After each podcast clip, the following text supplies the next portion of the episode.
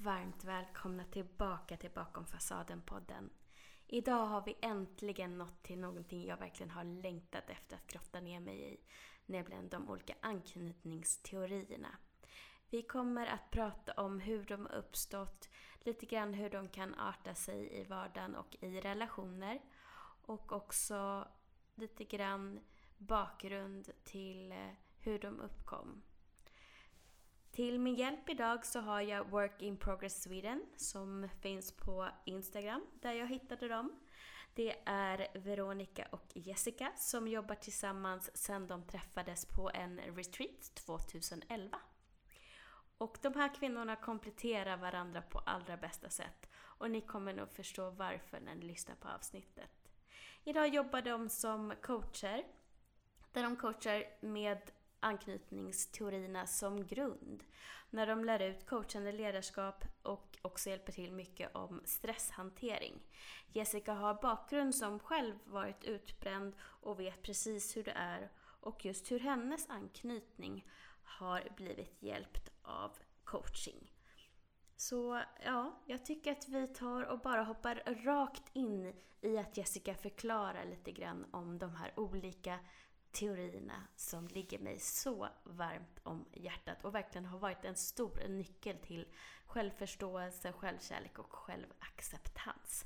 Så häng kvar!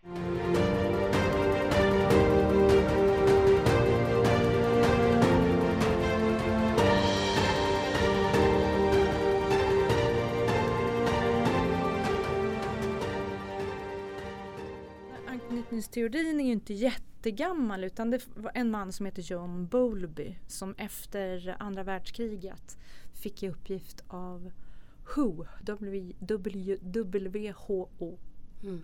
WHO, jag kan inte ens bokstavera. Ehm, att undersöka varför eh, det var väldigt många barn som hade hamnat på barnhem. Eh, WHO, alltså världs... Ja, hälsoorganisa- hälsoorganisationen. Exakt. Ja, Ja, Mm. Världshälsoorganisationen. Eh, väldigt många barn som hade hamnat på barnhem på grund av kriget, andra världskriget. Och de mådde dåligt. Och de, vadå, de hade ju tak över huvudet och mat. Varför mådde de dåligt? Jo, de hade inte några närande relationer kom han ju fram till. Så de började ju forska på det här. Och sen på 50-talet så kom den första publicerade liksom, forskningen. Så eh, 50-talet kom då anknytningsteorin och sen forskades det vidare på det. Och då en kvinna som var medarbetare till John Bowlby som heter Mary Ainsley. Hon kom på en, eh, ett test kan man väl säga som heter främmande situation. Där man undersöker, man tar ett barn som är ett år, ett år ungefär. Som ska gå in med sin mamma eller pappa i ett lekrum. Och där ska då föräldern lämna barnet och gå ut. Och så får barnet vara där i tre minuter. Och sen kommer föräldern tillbaka. Och då kunde man se hur barnen reagerade. Så då en trygg kommer dit med mamma, skippar och är jätteglad och eh, eh tycker att det är helt okej att vara där. Mamma går, eh, eller pappa, och barnet tycker att det är okej. Okay. Det händer inte så mycket. Mamma och pappa kommer tillbaka och eh, barnet blir glatt och visar att jag vill bli upplyft, ta upp mig. Och han, han eller hon blir upplyft och är fine. Men sen kommer man då till en undvikande eh, bebis. Då kommer mamman och pappan in eller mamman in med barnet i rummet. Eh, barnet visar inget särskilt. Föräldern går, visar ingenting, händer ingenting. Eh, och så kommer föräldern tillbaks efter tre minuter och då visar inte barnet någonting heller. Att, det har hänt, att den, den är ledsen. Men tar man pulsen på det här barnet så har det en hög puls. Eh, tar man blodprov och så har det högt kortisol, alltså stressnivå. Så barnet har liksom, visar inga känslor. Och det här har då med att göra med att när barnet signalerar till sin, sin mamma eller pappa att jag är ledsen. Då möter inte föräldern det här.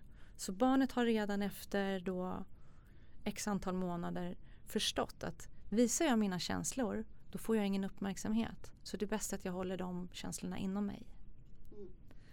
Eh, så redan så tidigt, jag får lite gåshud alltid när jag pratar om det här för jag tycker det är fantastiskt. Eh, och sen eh, den ambivalenta är orolig när den kommer in i rummet. Redan liksom så lite ålande. Håller det liksom tajt i föräldern. Och så går föräldern därifrån. Då skriker barnet och rullar runt på golvet och, och har sig, kanske bankar på dörren och sådär. Och sen kommer föräldern tillbaka efter tre minuter. Då visar barnet att jag vill bli upplyft. Så kommer barnet upp i knät. Då fortsätter barnet skrika och åla, kanske till och med slår på sin förälder. Så den här är då ambivalent. Det betyder att den, eh, den försöker närma sig. Den visar att jag vill komma nära men när den kommer nära så vill den skapa ett avstånd. Så den från, det blir fram och tillbaka hela tiden. Den kan, vet inte hur den ska agera. Men tekniken att liksom gorma och skrika det är ju för att föräldern har upp, liksom, i stunder ibland varit väldigt fokuserad på barnet. Sen vissa stunder otroligt engagerad bara i sig själv, alltså självupptagen. Mm. Så förälderns behov har styrt barnet. Och barnet inte vet tvärt... inte vad den ska vänta sig för reaktion. Nej, den vet inte vad den ska vänta sig för reaktion. Så att det är föräldern som har styrt barnets behov. Alltså. Så att det inte, inte tvärtom som det ska vara. Så därför blir det här liksom, det blir lite gas och broms. Här. Och det kan man ju också se komma till en vuxen relation. Att varför är det på det här sättet? Helt plötsligt så är det liksom jättemycket engagemang och sen kommer det inga sms längre. Nähä, varför då? Så att den här strategin vi har från när vi är ett, två år gamla den hänger ju med oss upp i vuxen ålder. Mm. Så det är, det är så det ser ut. ja, och det tar vi då med oss in i alla relationer som vi skapar. Ja. Och sen är det också så att man kan ha olika typer av eh, anknytning i olika typer av relationer. Du kan vara lite en typ när du är singel och en typ när du är i en relation för att triggas. Eller att du har den fortfarande men att du kanske inte känner av den, att du märks lika mycket. Jag skulle säga att den pendlar. Mm. Eh, inte att, jag vet inte om man byter, man har ju sin, på något sätt sin eh, prägling. Mm. Liksom. Man präglas ju på ett sätt av det som man är uppvuxen med. Hur man ska förhålla sig till för att få sina behov mötta. Så det är någon sån sorts prägling du har fått. Och sen i vissa relationer så kanske du får bli mött på ett, bra, på ett, ett sätt. Så då kanske du liksom pendeln går ner lite grann. Men jag tänker att det är som eh, det är inte en konstant så här mycket ambivalent är man eller så här mycket undvikande. Utan det, det varierar beroende på eh, relationserfarenheter och andra saker i livet. Liksom. Och precis som du säger, vilken relation man är inne i just nu kan man väl säga också. Eh, stämmer. De som kommer till er då för coaching om vi tänker på privatpersoner. Mm. Vad, vilka kommer till er? Men det är alltifrån, de senaste åren har det ju varit ganska många som har varit eh, utbrända Eh, många som har prestationsinriktat eh, liv presterar väldigt mycket. Och eh, de som är nyfikna på vad anknytningen kan göra för dem i deras personliga utveckling. För en del har ju provat annan typ av terapi men inte riktigt kommit till, nu ett citattecken, lösningen. Utan de vill se om att förstå mer om sin grund och sina beteendemönster, om det kan liksom skapa mer insikt och klarhet i varför man gör på ett visst sätt, varför man har vissa mönster. Mm. Så jag kan säga att det är olika typer av de som kommer. Mm. Är det, kan man säga att det är mer vanligt att en viss anknytningstyp vänder sig till er? Eller är det väldigt, väldigt olika? Ja, det är olika. Ja, det är olika. Mm. Men pratar vi stress så tror vi att vi, eh, alltså utbränning, då tror vi mer på att den ambivalenta bränner ut sig. Mm. Medan den då undvikande gör inte det. Tror på samma sätt? På samma sätt. Mm, De, för den, den, undvikande har, oj, den undvikande har andra strategier. Mm. Medan den ambivalenta är ju väldigt styr, är ju styrd av sina känslor mm. och oro och allt det här. Så det, och de känslorna blir väldigt stora och går liksom inte att kontrollera. Så att vi tror att det, att det vi började prata om det för ett tag sedan. Vi började se mönster i någon som vi träffade. Att eh, är det inte så att vi, väldigt många av dem som vi träffar här har, som är utbrända då, eller har haft ett antal utbränningsepisoder eh, som erfarenhet, att det finns en ambivalens. Eh, och det, det, vi kan säga att det tyder på att det är på det sättet och vi har också läst olika, det finns faktiskt de som har forskat på det nu också eh, att det finns eh, tendenser till det. Jag tror att då även undvikande kan eh, bränna ut sig men att det inte är på samma sätt. Det är på ett annat sätt. Men att, eh, ja. Så det är det. Eh, det som är utbrända och de som är nyfikna på anknytningen och eh, ja, prestationsinriktat. Och hur, hur läggs det upp då? Vad börjar ni? Eh, vi börjar ju alltid egentligen att prata om, alltså det är ju från människa till människa, så det är olika beroende på var de är i livet. Och en del har ju gått i terapi tidigare i livet men liksom åt, kommer återigen för att liksom, som jag sa, då, hitta lösningen, eller om, man ska, om det nu finns någon lösning, men alltså hitta något annat sätt att se på. Bättre förståelse för sig själv kanske? Ja, precis. En annan strategi. Mm. Och eh, vi, an, vi anpassar alltid, det är individ coaching och eh, det är alltid anpassat efter varje individ så det är olika. En del går ju tre gånger, andra går i flera år. Så vi är allt ifrån de som kommer ett par, tre gånger och till de som har gått nu sen vi började faktiskt, mm. som går hela tiden. Mm. Och det handlar om att man gått igenom en process och sen när man är klar klar men när man är, kommer så pass långt att man behöver inte ses så ofta så vill man ändå ses för att träffas för att hålla uppe och, och inte glömma bort och hamna i gamla mönster igen och påminna sig om vart man är någonstans. Ja, och man behöver ju ha, ha i, om man säger att, det är man, att man, har, man har den här processen så är det att du har lärt dig massa nya saker om dig själv. Eh, du kanske behöver göra vissa beteendeförändringar för att det ska bli bättre för dig. Då behöver man ju öva på det ett tag. Och sen så, så går det ett tag och så kommer det kanske upp någonting nytt. Som man tycker att okej, okay, men jag kanske behöver släppa taget om det här nu. Ja, men jag behöver prata med Veronica igen eller jag behöver prata med Jessica igen. Och så går man ett par gånger till. Och, så, så, så, att, eh, och så, så har det väl varit för oss själva när vi gick våran, våra eh, utbildning. Liksom, att, mm. att, det, att det blir på det sättet. Att du får ju någon, en människa som blir en anknytningsperson för dig. En stronger and wiser person. Mm. Som du är hos. Som står där. Och du springer iväg och övar på dina nya saker. Och sen kommer du tillbaka till den här trygga personen som hjälper dig till nästa steg. Så att det är lite så det blir ofta. Mm. Jag, jag kan känna igen också det här eh, att känna att man är klar. Det gör jag också, alltså, citattecken. Eh, när jag tidigare har gått i terapi så när jag mår bra igen så känner jag men nu, nu kan jag ge mig ut i livet och nu är jag jättetrygg. Fast då har inte jag riktigt haft kunskaperna om anknytningen. Uh, så att så fort jag då går in i, det här är mest varit i kärleksrelationer igen. Mm. Så faller jag tillbaka i samma mönster. För att det har vi inte riktigt kommit underfund med, eller framförallt inte jag själv. Att eh, bara för att jag mår bra och är trygg när jag är ensam betyder inte det att jag har rätt verktyg och kunskap när jag helt plötsligt har någon annan att förhålla mig till. Som, och det är känslor inblandade. Så då eh, har jag känt det jätte, jättestarkt nu där jag är precis just nu i livet. Att jag träffade min terapeut igår och jag sa att det känns verkligen som att det är så himla harmoniskt runt omkring mig. Jag mår så bra just nu. Men just därför så, så är jag så nyfiken på vad vi ska gå vidare. Och då sa hon att det är så vanligt att eh, man inte ser att det är här potentialen till riktigt djupt läkande finns. Och att nu ska vi gå lite djupare och så slutade det med att jag satt och grät i en timme. så, så att eh, det var ju jätteläkande, jättejobbigt just i stunden men eh, jag var väldigt välkomnande till det ändå för att jag vet att nu börjar vi hitta saker här.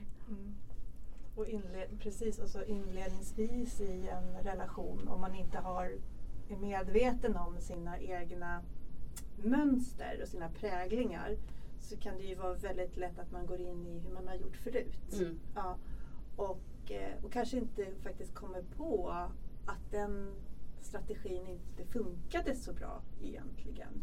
Utan man gör slut eller man skapar drama eller vad det är och så, så blir man singel igen. Och, och så hittar man någon ny och så gör man på samma sätt igen. Och, och, vi reflekterar inte över våra egna beteenden utan ofta så lägger vi det på att han eller hon inte möter mig eller han eller hon gör inte rätt. Mm. Och när egentligen att det är jag som inte har förändrat mitt beteende någonting egentligen. Mm. Utan att jag är kanske inte ens medveten om att jag kväver den andra personen. Eller, alltså en, en ambivalent kan göra då. Eller att jag är distanserad, att jag inte ens visar känslor tillräckligt mycket för att den andra tror mm. hon är inte intresserad egentligen verkar det som. Hon är lite distanserad här. Okej, har hon inget intresse? Hon ja. får inte det där liksom kittet som får relationen att eh, gå vidare och bli lite djupare. Så oavsett så är det ju så att om, är man inte medveten om att ha de här två olika sätten att vara i relation så är man inte medveten om att man kanske kväver den andra med alla sina bekräftelser på att få ett sms. Det här är rätt vanligt. Mm. Att men hon eller han skickar mig sms hela tiden och jag kan inte svara. Och, och, och då tror den som har skickat de här tio sms under dagen att hon eller han gillar inte mig. Liksom. Du måste svara nu, du måste svara nu. Men jag kan inte svara just nu. Mm.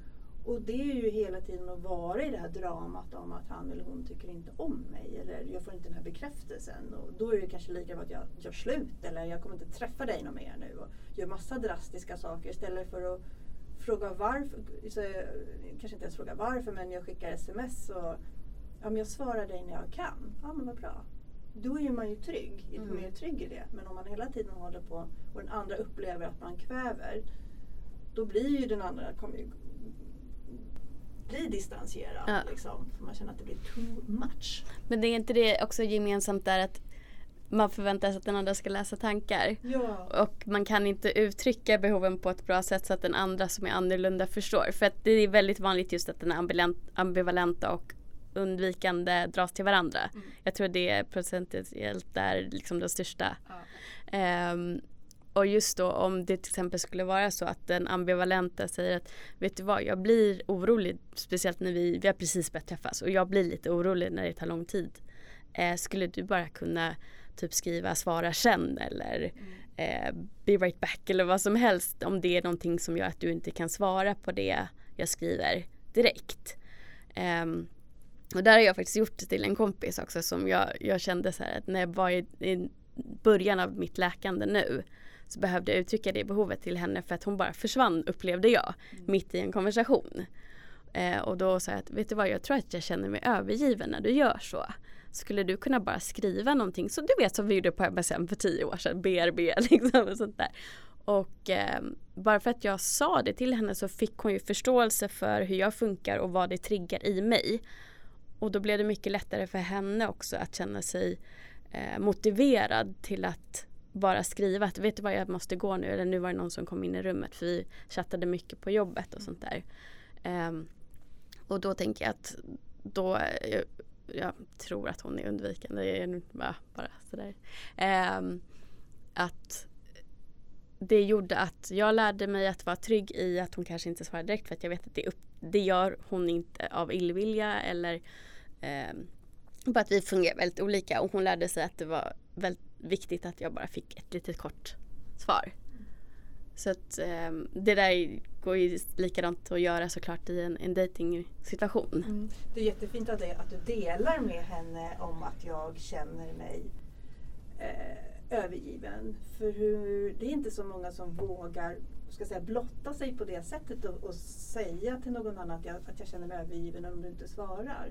Så det är jättefint. Men, och, och, när man är i en, alltså i en kär, med en romantisk relation eller en kärleksrelation. Så att, att säga så att man känner sig övergiven. Det kan ju vara så här svårt för den som är då, Mm. eh, distanstagande. Ja, Eh, eh, så att det där behöver man ju berätta på något bra sätt. Att Mm. man förhåller sig olika till, till, till kommunikationen. Eh, men jag tror att det är ett sätt att komma vidare eh, i en relation lite djupare om man talar om att, att jag har skickat ett sms eh, när, kan, alltså när kan du svara och, och så att man kommer överens om hur ens kommunikation ska, kan se ut. Då kan den säga, "Ja, men jag svarar dig, jag kommer svara dig när jag slutar efter jobbet på dagarna till exempel. Då vet du, blir ju du trygg om du har skickat iväg det smset sen. Än att, ska han svara nu eller ska hon svara nu? Och så går man där alldeles spänd, "Åh, sett den går och bara, åh gud vad skickade jag det här nu och så vidare. Det blir så mycket drama i mig. Det blir Mm. väldigt jobbigt hela dagen att gå och vänta om man inte har pratat om de där sakerna. Att man är lite olika i förväntan. För det handlar ju om förväntningarna på relationen. Mm. Mm. Kan inte du bara dra lite fort sådana här typiska, vad ska man säga, anknytningsförknippade då? Om att just det här som vi beskrev, det var ju ofta då den ambivalenta som reagerar med oro och eh, kanske till och med ångest ibland. Ja. Eh, men bara att om du, om du Den tar de två.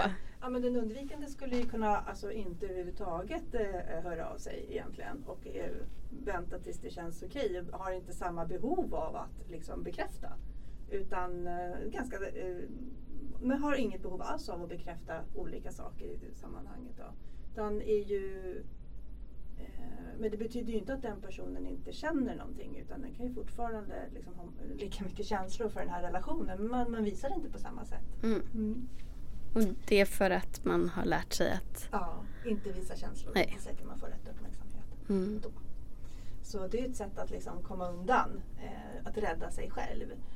Eh, jag vet inte vad du menar med snabba... Nej men jag tänker för att lyssnarna ska känna igen sig om de inte har någon koll alls på vilken anknytning de har. Om vi då tittar på hur man beter sig typiskt för sin anknytning i relationer, kanske framförallt i början av relationen när det Mm. triggas som mest. Ja men precis, då kan ju någon kanske säga att jag eh, behöver ganska mycket space eller jag behöver mycket egen tid. Jag gillar att vara själv.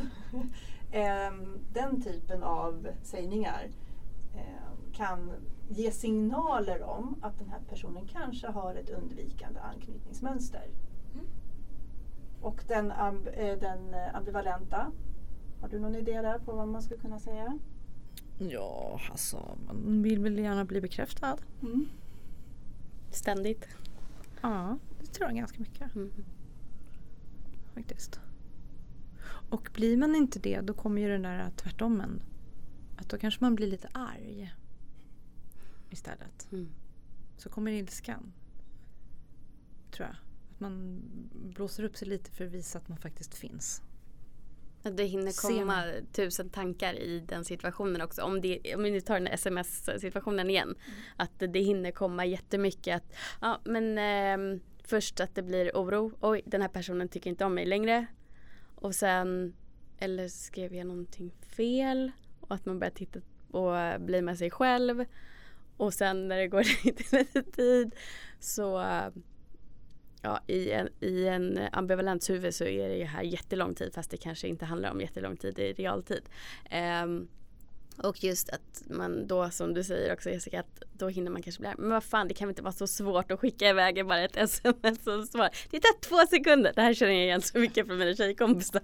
och att det liksom är sådana tankar som Ja. uppkommer medan den då som är undvikande kanske inte ens har lagt en tanke på den andra personen för att han eller hon är ju mitt uppe i jobbet och eh, sen när de går därifrån så var nu är jag öppen för att prata och nu kan jag svara och fattar inte alls hur det kan ha varit känslostormarnas eh, kaos liksom hos den andra. Nej, precis.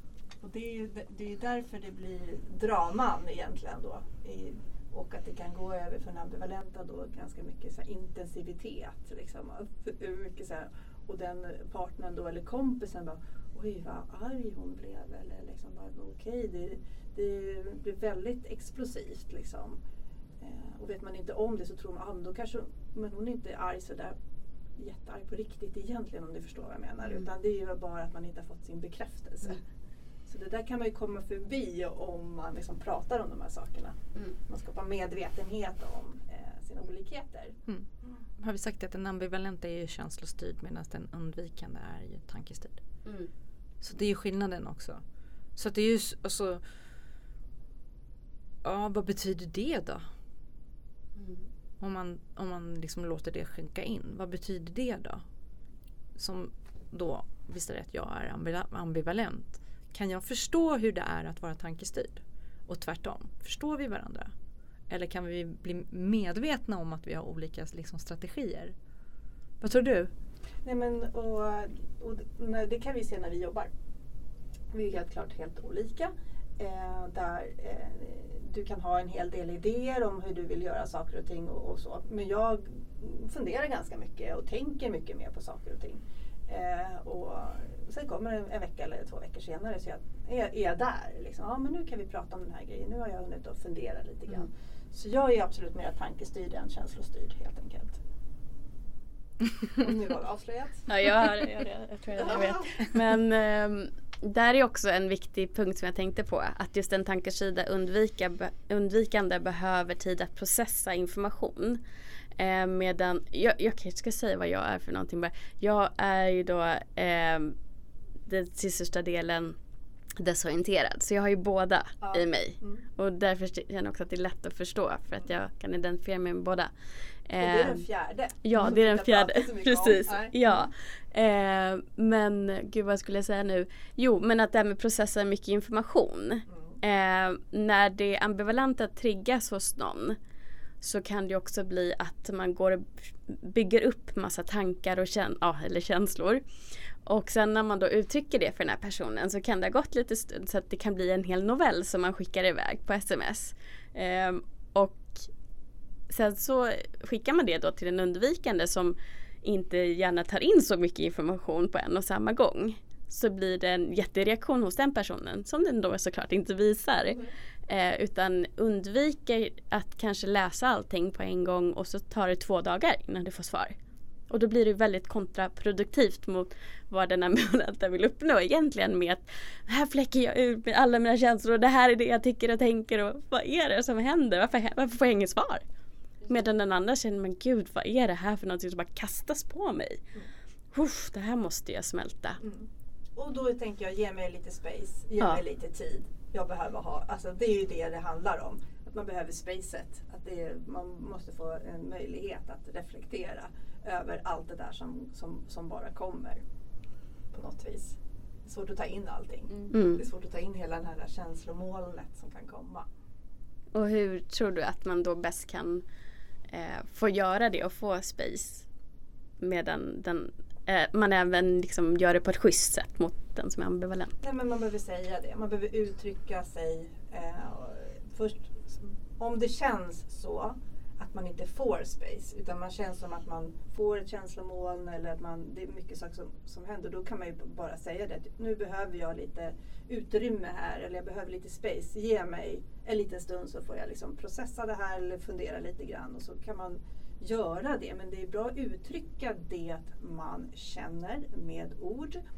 Eh, därför att annars undvikande har ju förmåga att inte prata så mycket kanske. Så att om man uttrycker det då har du kommit igång med dialogen om vad du, vad du skulle behöva en stund. Jag skulle behöva lite space här nu, det blir för mycket för mig. Eh, jag måste fundera lite. Och det handlar inte om att jag eh, säger nej till den andra personen. Tvärtom, utan ge mig bara lite space. Det, betyder, mm. det här är inte ett nej nu, för då behöver man inte gå in i drama och säga nu gillar inte hon mig. Eh, jo det gör jag men ge mig lite space bara. Så jag mm. behöver tiden mm. att liksom processa det här och fundera lite mm. grann. Så då är det man ska komma ihåg när en person då som ber om tid eller ber om space. Det är inte ett nej. Och det är inte början inte på dig. slutet heller. Det nej. handlar mer om att låta hjärnan få komma ikapp. Ja precis. Vi, vi hanterar ju det på olika sätt helt enkelt. Mm. Jag tänker att det är en bra sak som man också kan säga till de som är desorienterade. För att eh, vi triggas också väldigt mycket av den här typen av situation. Mm. Eh, att man uttrycker att vet du vad, nu behöver jag lite tid för mig själv och tänka och processa det här. Jag kommer tillbaka. Mm. Eller jag ska ingenstans. Sådana saker har jag känt det varit jätte, jätteskönt att bara få läsa eller höra. Mm. För då har jag inga problem med den andra space. Då kan jag identifiera mig mer med den sidan av mig och känna att ja, men jag förstår. Det är ganska skönt att bara sitta och tänka och processa själv. Men varför tror du det blir så mycket lättare om du får säga så? Eh, att man kommer tillbaka eller Ja. att man stannar. För att det blir fortfarande bekräftelse fast det är inte svar på frågan. Ja. Och det underlättar ju för motparten. Mm. Jaha, hon säger inte nej eller liksom gör inte slut med mig nu eller tycker att jag... Utan du bara säger så här, "Ge mig- jag behöver det här, fundera lite och så kommer jag tillbaka.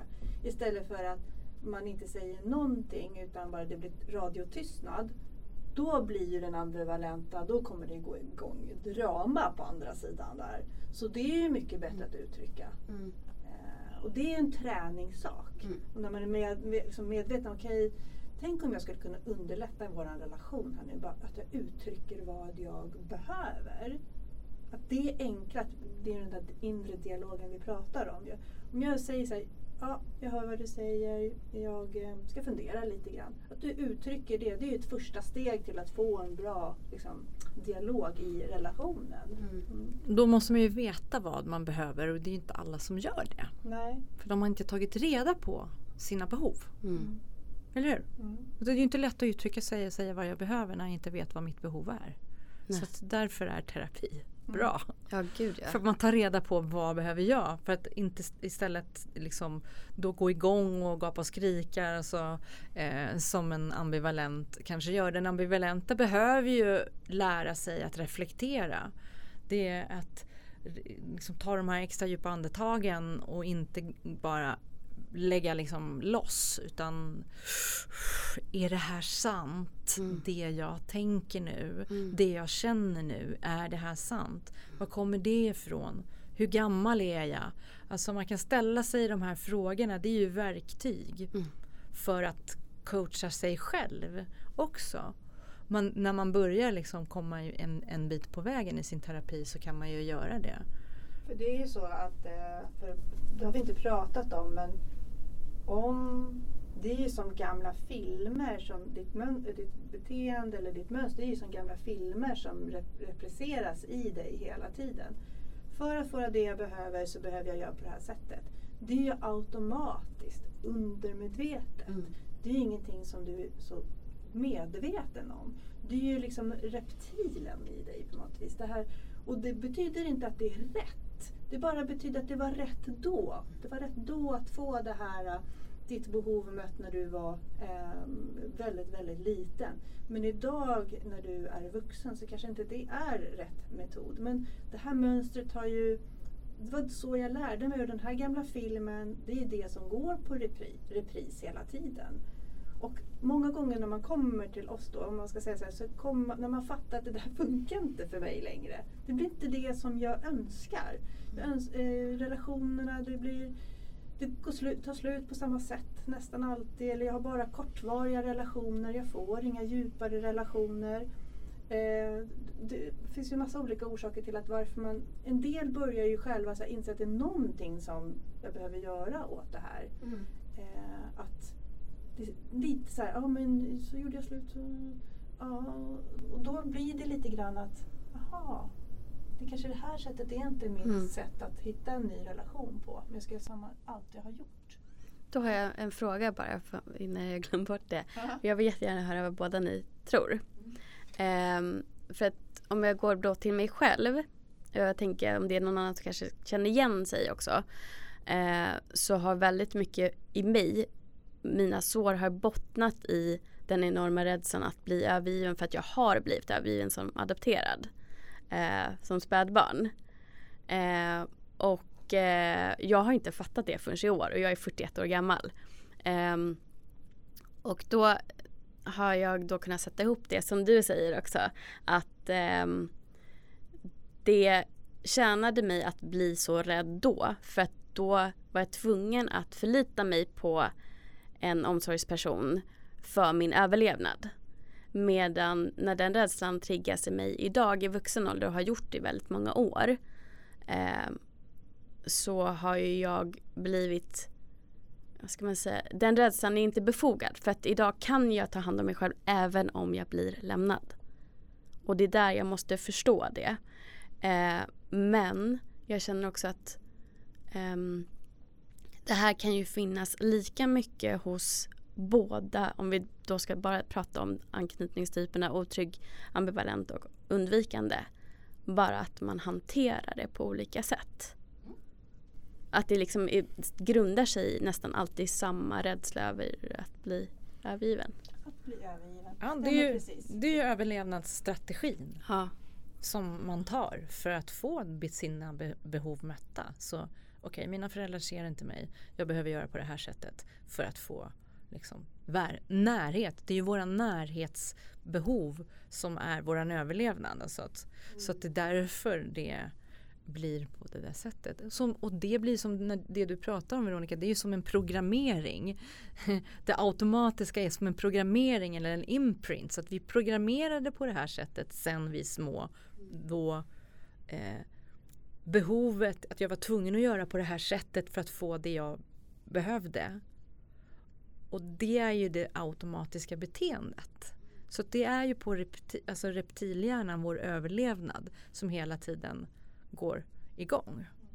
Jag tänkte på det också. Och vi pratar väldigt mycket om mamma och pappa här och föräldrar och så. Men man kan säga så här, omsorgshavare, de som omsorgspersoner man har. För det finns ju, precis som du säger, en, en hel del människor som är adopterade och har då fått byta omsorgsperson under mm. uppväxten eh, av olika skäl. Eh, och det, där kan man ju säga att en omsorgsperson kan, det behöver inte vara en förälder, det kan ju vara alltså, den biologiska, utan man kan ju få en omsorgsperson, en trygg hamn av en annan person som man får det, som man knyter an till. Eh, så omsorgspersonen kan ju vara olika för alla egentligen. Men det är precis som du säger, vid ett given tidpunkt så känner man rädslan av att bli övergiven.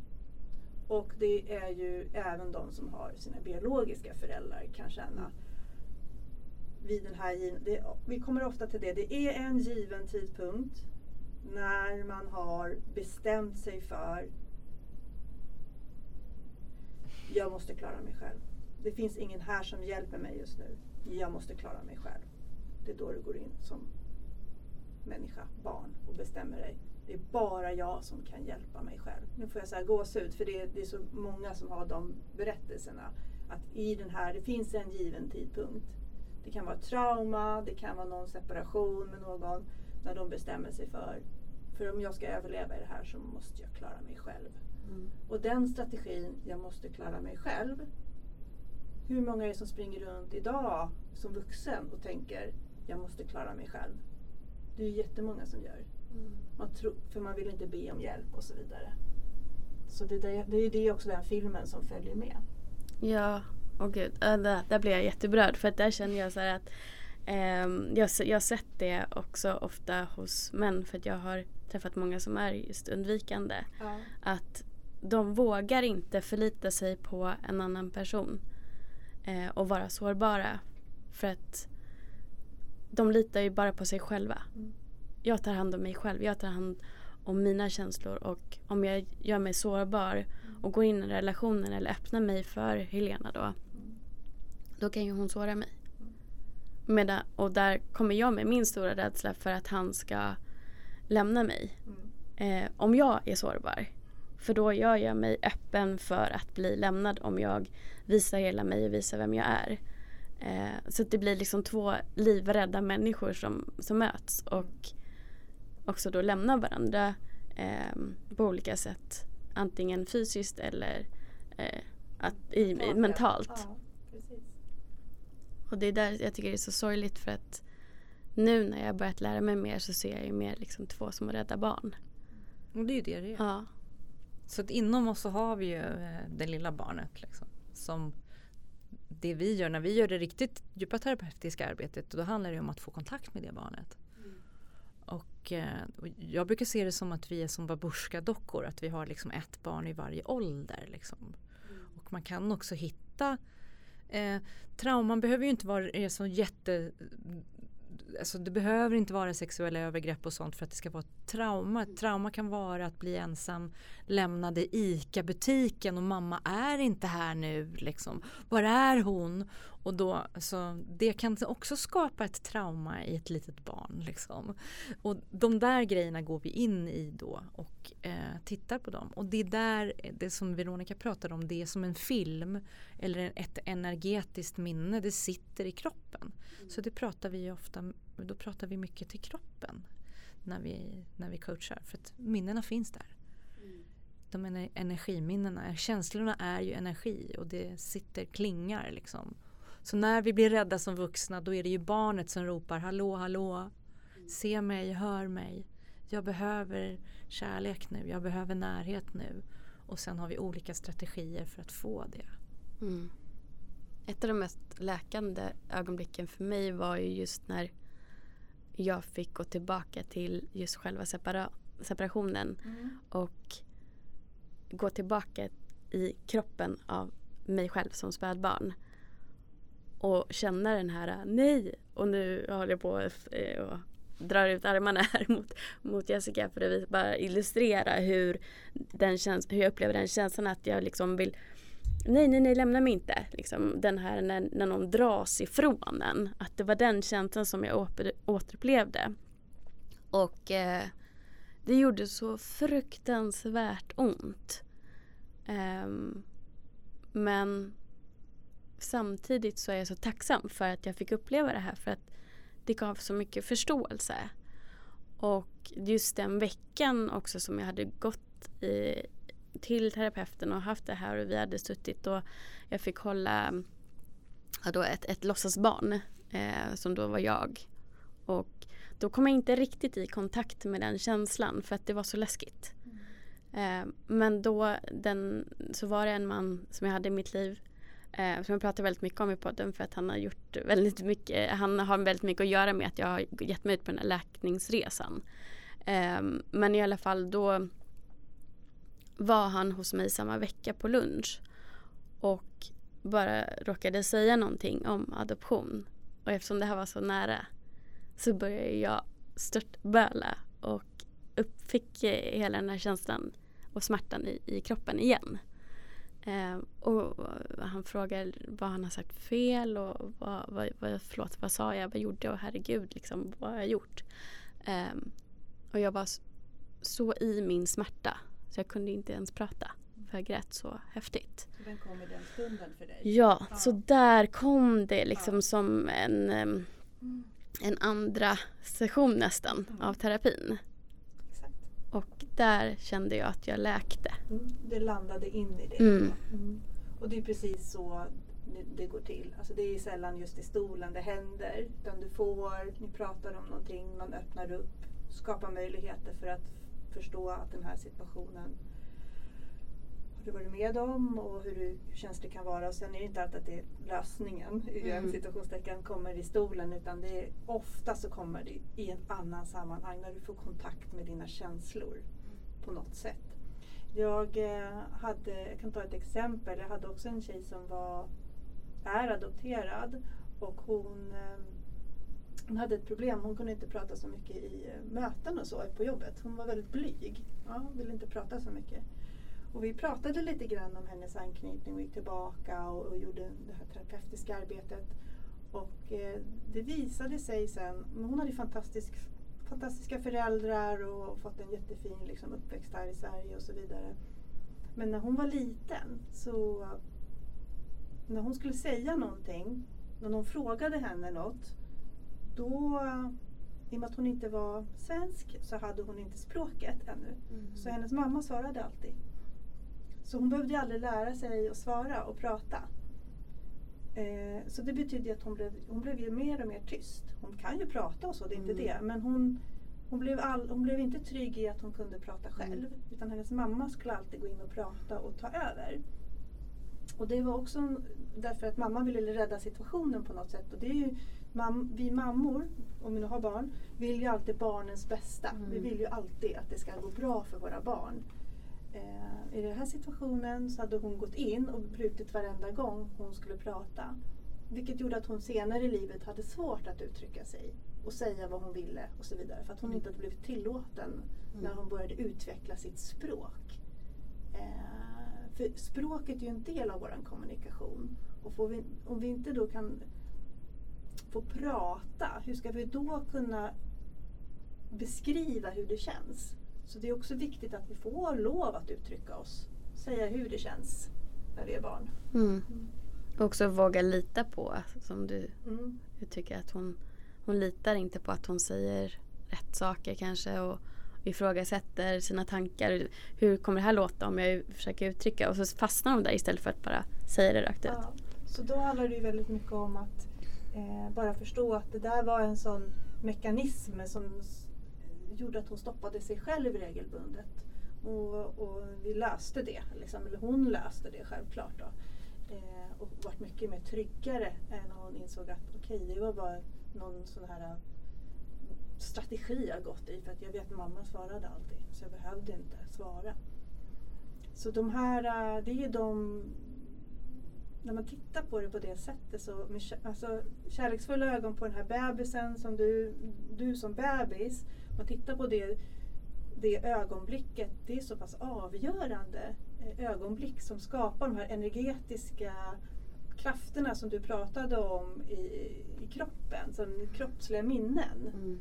Och när man kommer åt dem då så kan läkningen, precis som du är inne på, börja. Man Mm. läker det. Och då har inte samma kraft längre över en. Rädslan är inte där Mm. på samma Mm. sätt. Ja, n- jag kanske ska förtydliga, det är inte så att jag läkte såret här där och då. Eh, utan jag kom på var såret låg någonstans. Mm. Och en första trygghet i att kännas vid den smärtan infann sig då. Mm. Eftersom han fanns där och liksom kom och höll om mig tills jag hade lugnat ner mig och så här gråt, få ut det. Liksom att han var så betryggande där så att jag kände att jag kunde gråta ut smärtan. Mm. Eh, men det är inte så att det är över. Det är mer att nu vet jag var någonstans jag måste våga återuppleva den här smärtan för att också bekanta mig med den och lära mig att det är inte så livsavgörande eller så läskigt som jag har trott att, att uppleva den smärtan. Nej, precis. Precis så är det. Jag tror också att det är någon sorts monster vi ska släppa lös och att det ska bli något fruktansvärt. Men det är sällan det. Det kan vara att man kommer till insikt som du gjorde och man får lösa och göra lite känslor. Och sen brukar det lätta. Ja, men ska man hålla på och älta barndomen? Mm. Brukar det, alltså, det är ju också något, varför ska jag sitta och hålla på med det? Måste jag grotta i det Måste här? jag grotta i det här? Det är ju, det är ju en, en sägning som man kan få. Och eh, Nej, det behöver man inte eh, om man inte vill. Man kan ju coachas på massa olika sätt. Men förr eller senare så kommer det hamna där i alla fall. Alltså det, det blir så.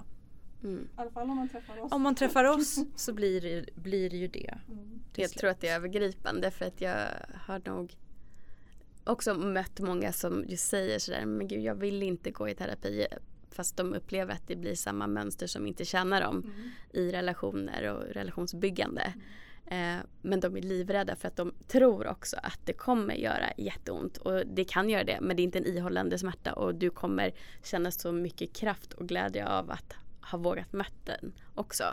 Eh, men sen också att det blir ja Nej, jag tror inte jag har kommit undan från att man ändå touchar det oavsett vilken typ av terapi jag har provat mig på.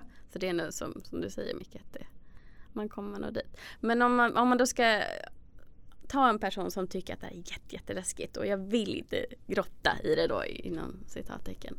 Vad kan man eh, ha för alternativa vägar? Jag tänker att man kan, vi, man, man kan ju gå liksom i terapi om man vill men man kan ju läsa någon bok kanske man kan göra.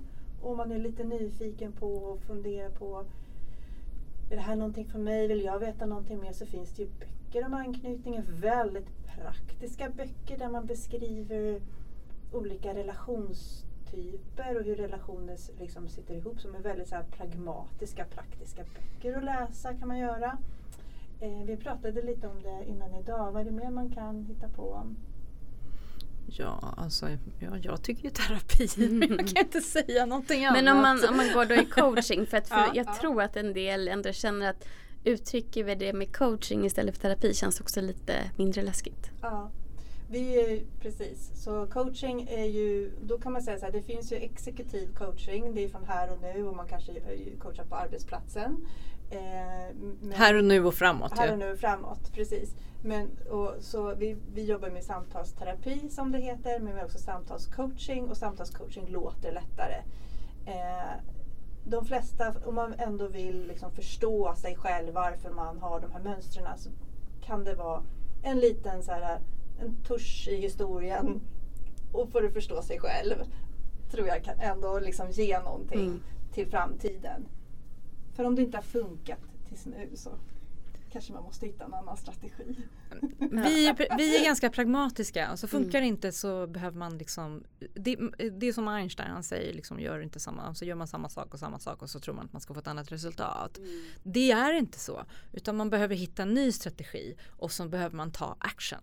För ingenting kommer förändras eller bli på ett annat sätt om man bara sitter liksom eh, på samma plats.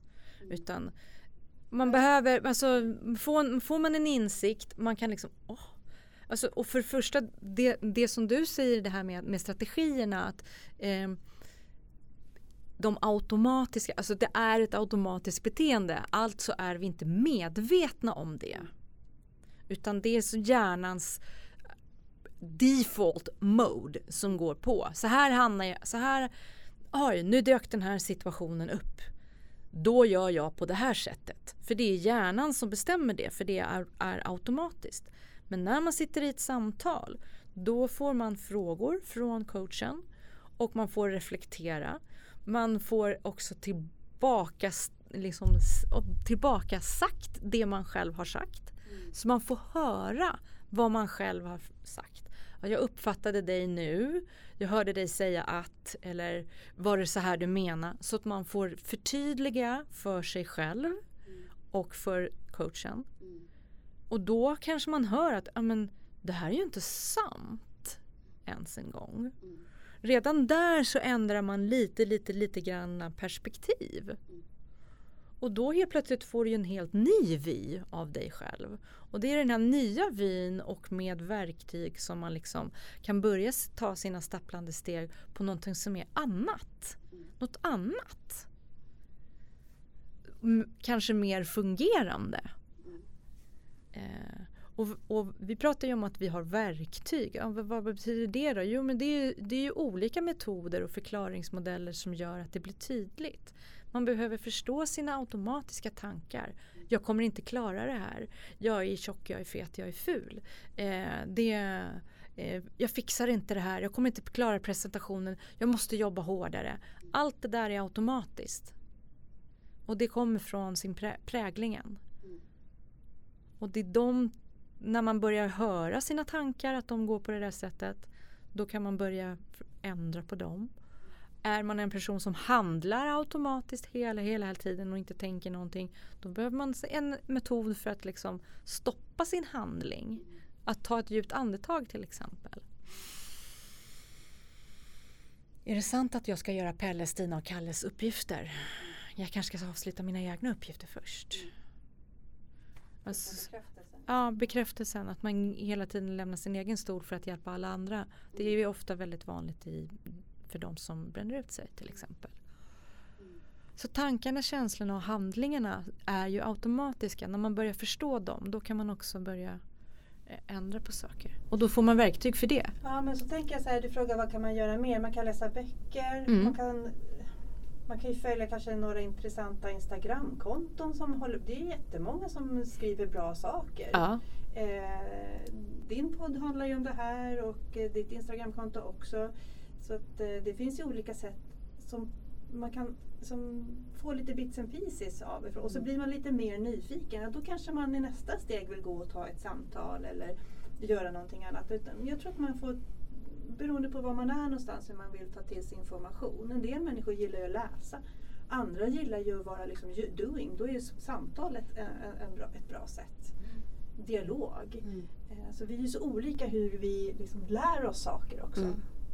Eh, Men tips på böcker då? Egil Linges och Dan Josefssons två böcker. Mm. Alltså från hemlighet, vad heter det? Från, Hemligheten Ja. och Den mörka Och hemligheten. Den mörka hemligheten. Det är två jättebra böcker om man vill läsa om anknytningen. Mm. Och du har ju en favorit på engelska va? Jag har en på engelska som heter Attached. Mm. Och, eh, och den handlar ju om relationer och den har ju också så här questionnaires, frågeformulär. Så ni kan, har du läst den? Jag har alla tre böckerna. Attached? Ja, alla tre som vi har pratat Ja, om bra, nu. vad Ja. ja, men då vet jag det. Då kan man ju fylla i for- frågeformulär där, så här, Mm. om vad man känner igen sig i och så vidare. Och, och det kan ju också skapa medveten om eh, Mm. vad, vad man är för, för eh, ja, typ i anknytningen. Då. Så Ja, man är stil- nyfiken på mer. Liksom. Mm. Det finns ju mycket information att hämta i som i alla liksom, olika områden. Och test finns ju också på nätet på flera olika sidor Ja. för att se vilken anknytning man själv. Ja. Det jag saknade i Hemligheten och Attached var ju just min anknytning. Typ tas inte riktigt upp där. Och Men då- den blåa, i den hem- Ja. Eh, den mörka hemligheten den handlar om eh, den dödsorienterade. Mm. Mm. Men eh, jag upplevde att där handlar den i stort sett bara om de som har fått den här anknytningen redan i barndomen. Mm. Eh, medan jag inte upplever att jag har fått den fullt ut där. Utan det här har varit mer eh, som jag har lärt mig av destruktiva relationer och eh, våldtäkter och sånt där. Mellan att jag var 20 och 28 så var det väldigt turbulenta år och hände mycket traumatiska saker för mig. Och där kände jag att den liksom fastnade i mig. Eh, medan att jag har säkert haft tendenser till den tidigare men jag kan inte identifiera mig när jag läser om barndomen för min barndom var väldigt trygg. Eh, om man bortser från de tidiga separationerna i, med adoptionen. Mm. Så att där, den lät jag faktiskt, den skickade jag eh, vidare till en tjej där jag kunde liksom läsa lite mellan raderna att jag tror att du har den här anknytningen. För många av oss som har desorienterad otrygg anknytning identifierar också väldigt mycket med den ambivalenta otrygga. Mm. Och tror, och jag trodde också att jag hade den Mm. eh, fullt ut först och sen gjorde jag ett test och eh, lärde mig att nej, jag hade visst desorienterad. Vad är det för någonting? Det är den här som alla jättetraumatiserade människor har och blev jätterädd först. Och trodde att nu, eh, nu är jag eh, liksom en av de här få eh, jättemessed up person. Liksom. Och jag har ett helt avsnitt om det här om man vill höra mer om det. Eh, men sen har ju det vänt och känt att gud vad det här är spännande att Mm. lära sig om istället. Mm. Ja, för det, det stämmer det du säger. De tar inte upp den fjärde anknytningstypen på det sättet alls. Eh, utan att det är ju... Eh, den tror att den har, måste få en egen bok i sådana fall. Men Mm. jag tänker det är ju lite att värdera också. Att man, man värderar anknytningarna. Det går ju inte att värdera dem för det är ju som det är. Mm. Alltså, så här är det nu Mm. och vad kan jag göra för att det ska bli bra för mig just nu? Liksom. det finns inget bättre och sämre med Nej, det finns ju Nej. inget bättre eller sämre utan det är ju som det är. Ja. Mm. Det är jätteviktigt att du säger det. Jag eh, upplever att eh, i många sammanhang så får alla otrygga, alla tre otrygga, väldigt dåligt rykte. Mm. Att eh, det är människor som eh, är svåra att ha att göra med.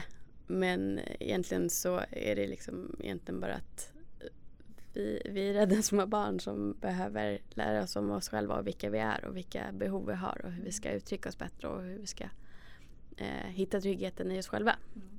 Och få våra behov mötta. Ja. Och våga uttrycka oss. Oavsett om vi är liksom det, det ena eller det andra. Att det enkla är börja säga. Inte det. Ta hjälp. Ja, men också så här. Fundera på det. Mm. Istället för att göra någonting annat, fundera på vad är det du behöver då? Och det är faktiskt en väldigt enkel fråga men kan vara svårt att svara på.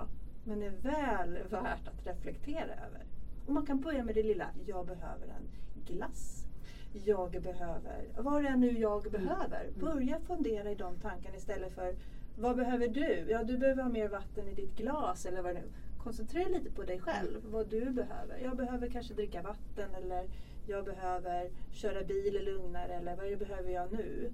Mm. Börja med det lilla istället för att gå med så avancerade saker. För då börjar man att prata med sig själv. Ja. Ja. Och eh, har man inte gjort det förut och inte kan uttrycka sig då så behöver man inte göra det så svårt. Och lägga mer värde i sig själv än hur man söker värdet i andra personer eller Ja. att man hela tiden springer och, och liksom tittar på vad är, vad är ditt behov, vad är ditt behov, hur kan jag, hur kan jag möta dig? Och, och tror att ens eget värde ligger i hur mycket man hjälper andra. Men att om du tar, ta ett år bara. Eh, av, tänk hur länge du lever. Om du bara tänker först som start att det här året ska jag dedikera till att lära känna mig själv och vilka mina behov är. Eh, Wow. ja men det, för att om man tänker efter då, tänk att vi lever 80 år om vi bara gissar. Eh, vad lite tid det kräver av dig Ja. om du bara tar ett enda år. Och hur mycket det kommer ge dig. Och, hur, och är du mitt i livet som många som börjar reflektera är. Du har ett helt till lika långt tid kvar. Är det inte jättevärt då att ta det här året och förändra det som du inte mår bra av? Ja precis och det är ju aldrig för sent. Nej. Nej, Det är det som är så fantastiskt för att vi har ju eh, kvinnor som kommer vid våran ålder då, som har, vi har ju lite större barn och eh, som kommer och kanske har barn hemma som är tonåringar och tycker att det är svårt att kommunicera med tonåringar och så vidare. Men då handlar det ju väldigt mycket om att jobba med sig själv också. För det jag jobbar med kring mig själv och det jag vet mer om mig själv kommer att, I promise, ge ringar på vattnet i hela familjen. Så börjar jag jobba med de här sakerna som du säger under ett år så kommer det att ge effekter på hela familjen, på barnen och så vidare. Därför att du blir mer medveten om dig själv, dina strategier och hur du liksom är i dina humör eller inte humör eller vad det nu är för någonting. Mm. Det kommer hjälpa hela familjen på ett sätt också. Man får liksom verktyg för det också. Det är det som är så coolt. Ja, det är det coolaste som finns när liksom barnen säger någon sägning som man vet kommer från en själv. Man bara hör, aha, okej, de har snappat upp det här.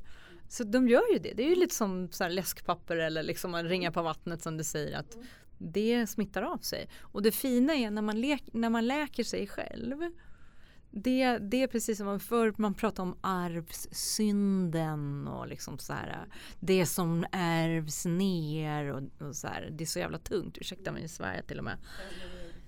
Um, när, vi, när vi jobbar med oss själv, det släpps då. Då går inte, behöver inte du passa vidare det till dina barn och din nästa relation. Utan Dina barnbarn, barn, ja. till dina barnbarn, du som är farmor nu Veronica. Det är det som är det coolaste. Att när vi liksom läker oss själva så går det vidare sen.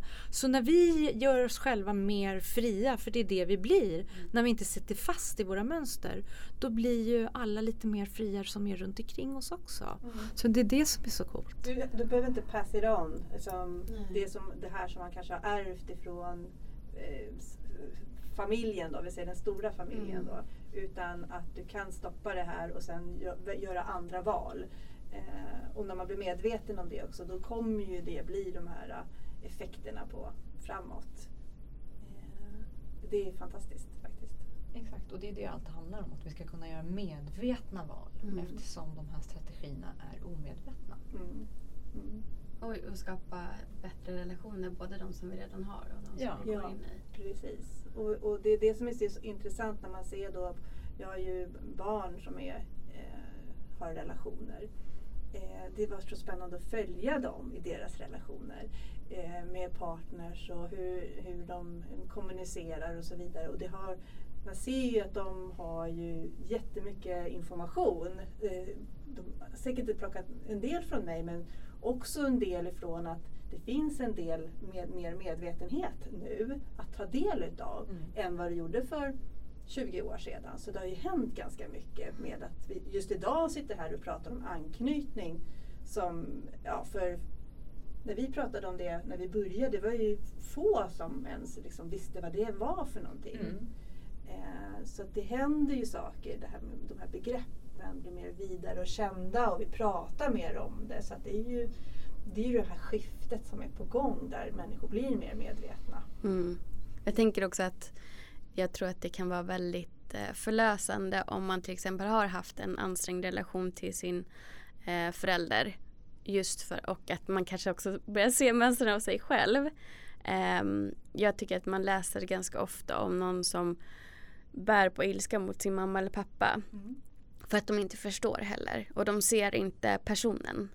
Men när man lär sig om anknytningsmönster så ser man helt plötsligt varför de har agerat på ett visst sätt. Mm. Och då blir de helt plötsligt mänskliga på ett helt annat plan. Och även om det kanske inte gör någonting ogjort eh, såklart man kan ju inte gå tillbaka i historien så kan man ändå förstå och på det sättet hitta förståelse och förlåtelse. För, precis vad jag skulle säga. Också Mm. en förlåtelse Mm. också för att det blev som det blev och så. Att, eh, ja, det finns ju mycket i det. De, man måste säga det att de hade inte den kunskapen som finns idag. Nej. Mm. Nej, det är därför det är viktigt att det kommer ut också. Alltså anknytningsteorin är från första publikationen kom 50-talet. Mm. Så våra föräldrar hade ju inte den informationen eh, alls. Nej, och sen då börjar de här studierna runt 80-talet Ja. och mer och mer börjar man ju prata om Mm. det. Och det är ju nu senaste ja, 10-20 åren som det har varit liksom någonting som man har använt i utbildningar och så. Mm. Eh, Så det är ju inte konstigt. Ja. Eh, ska jag gissa nu vad ni har för anknytningar? Ja, Som jag. avslutning tänker jag. Ja, Eh, jag tror att ni, i och med att ni är så medvetna, har en mycket större procent av trygg idag än vad ni haft tidigare.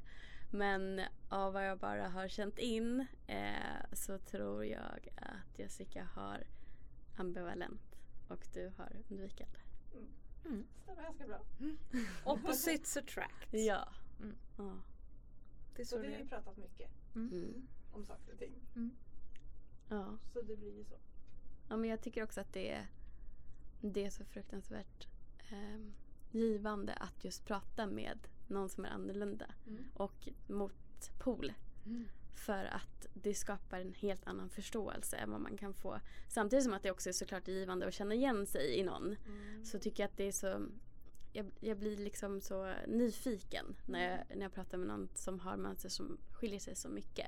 Det blir ju mer dynamik också i, en, i ett samtal än om vi är två lika som det blir ganska, ursäkta mig, Mm. ganska tråkigt efter en stund. Mm. Det är ju mycket mer intressant Ja. att prata med någon som är lite annorlunda eller leva med någon som är lite annorlunda. För det blir ju roligare. Sen är det inte alltid kul för att man kommer tycka olika och, och reagera olika. Men det finns en, liksom, en dynamik i det som är intressant. Mm. Och så länge man inte liksom, bråkar om det så Mm. är det ju bra. Mm. Det gör man kanske oundvikligen också. Ja. Men Ja, nej, men en Ja. relation är ju inte bara som ett rakt streck. Det är klart att det finns, liksom, det finns passion, det finns liksom, och, eh, bråk, det finns allting. Det, Mm. det, är, ju- man, det är ju inte bara på ett sätt. Nej. Men det är ju hur man hanterar och hur man pratar med varandra och hur man vill skapa relationen tillsammans också Mm. vidare, tänker Mm. jag också. Eh, och vet man lite mer om sin eg- sig själv så är det ju lättare. Liksom. Mm. Mm. Tror jag. Verkligen. Ja, gud, det finns ju mycket som helst att prata om såklart. Så Ja, verkligen.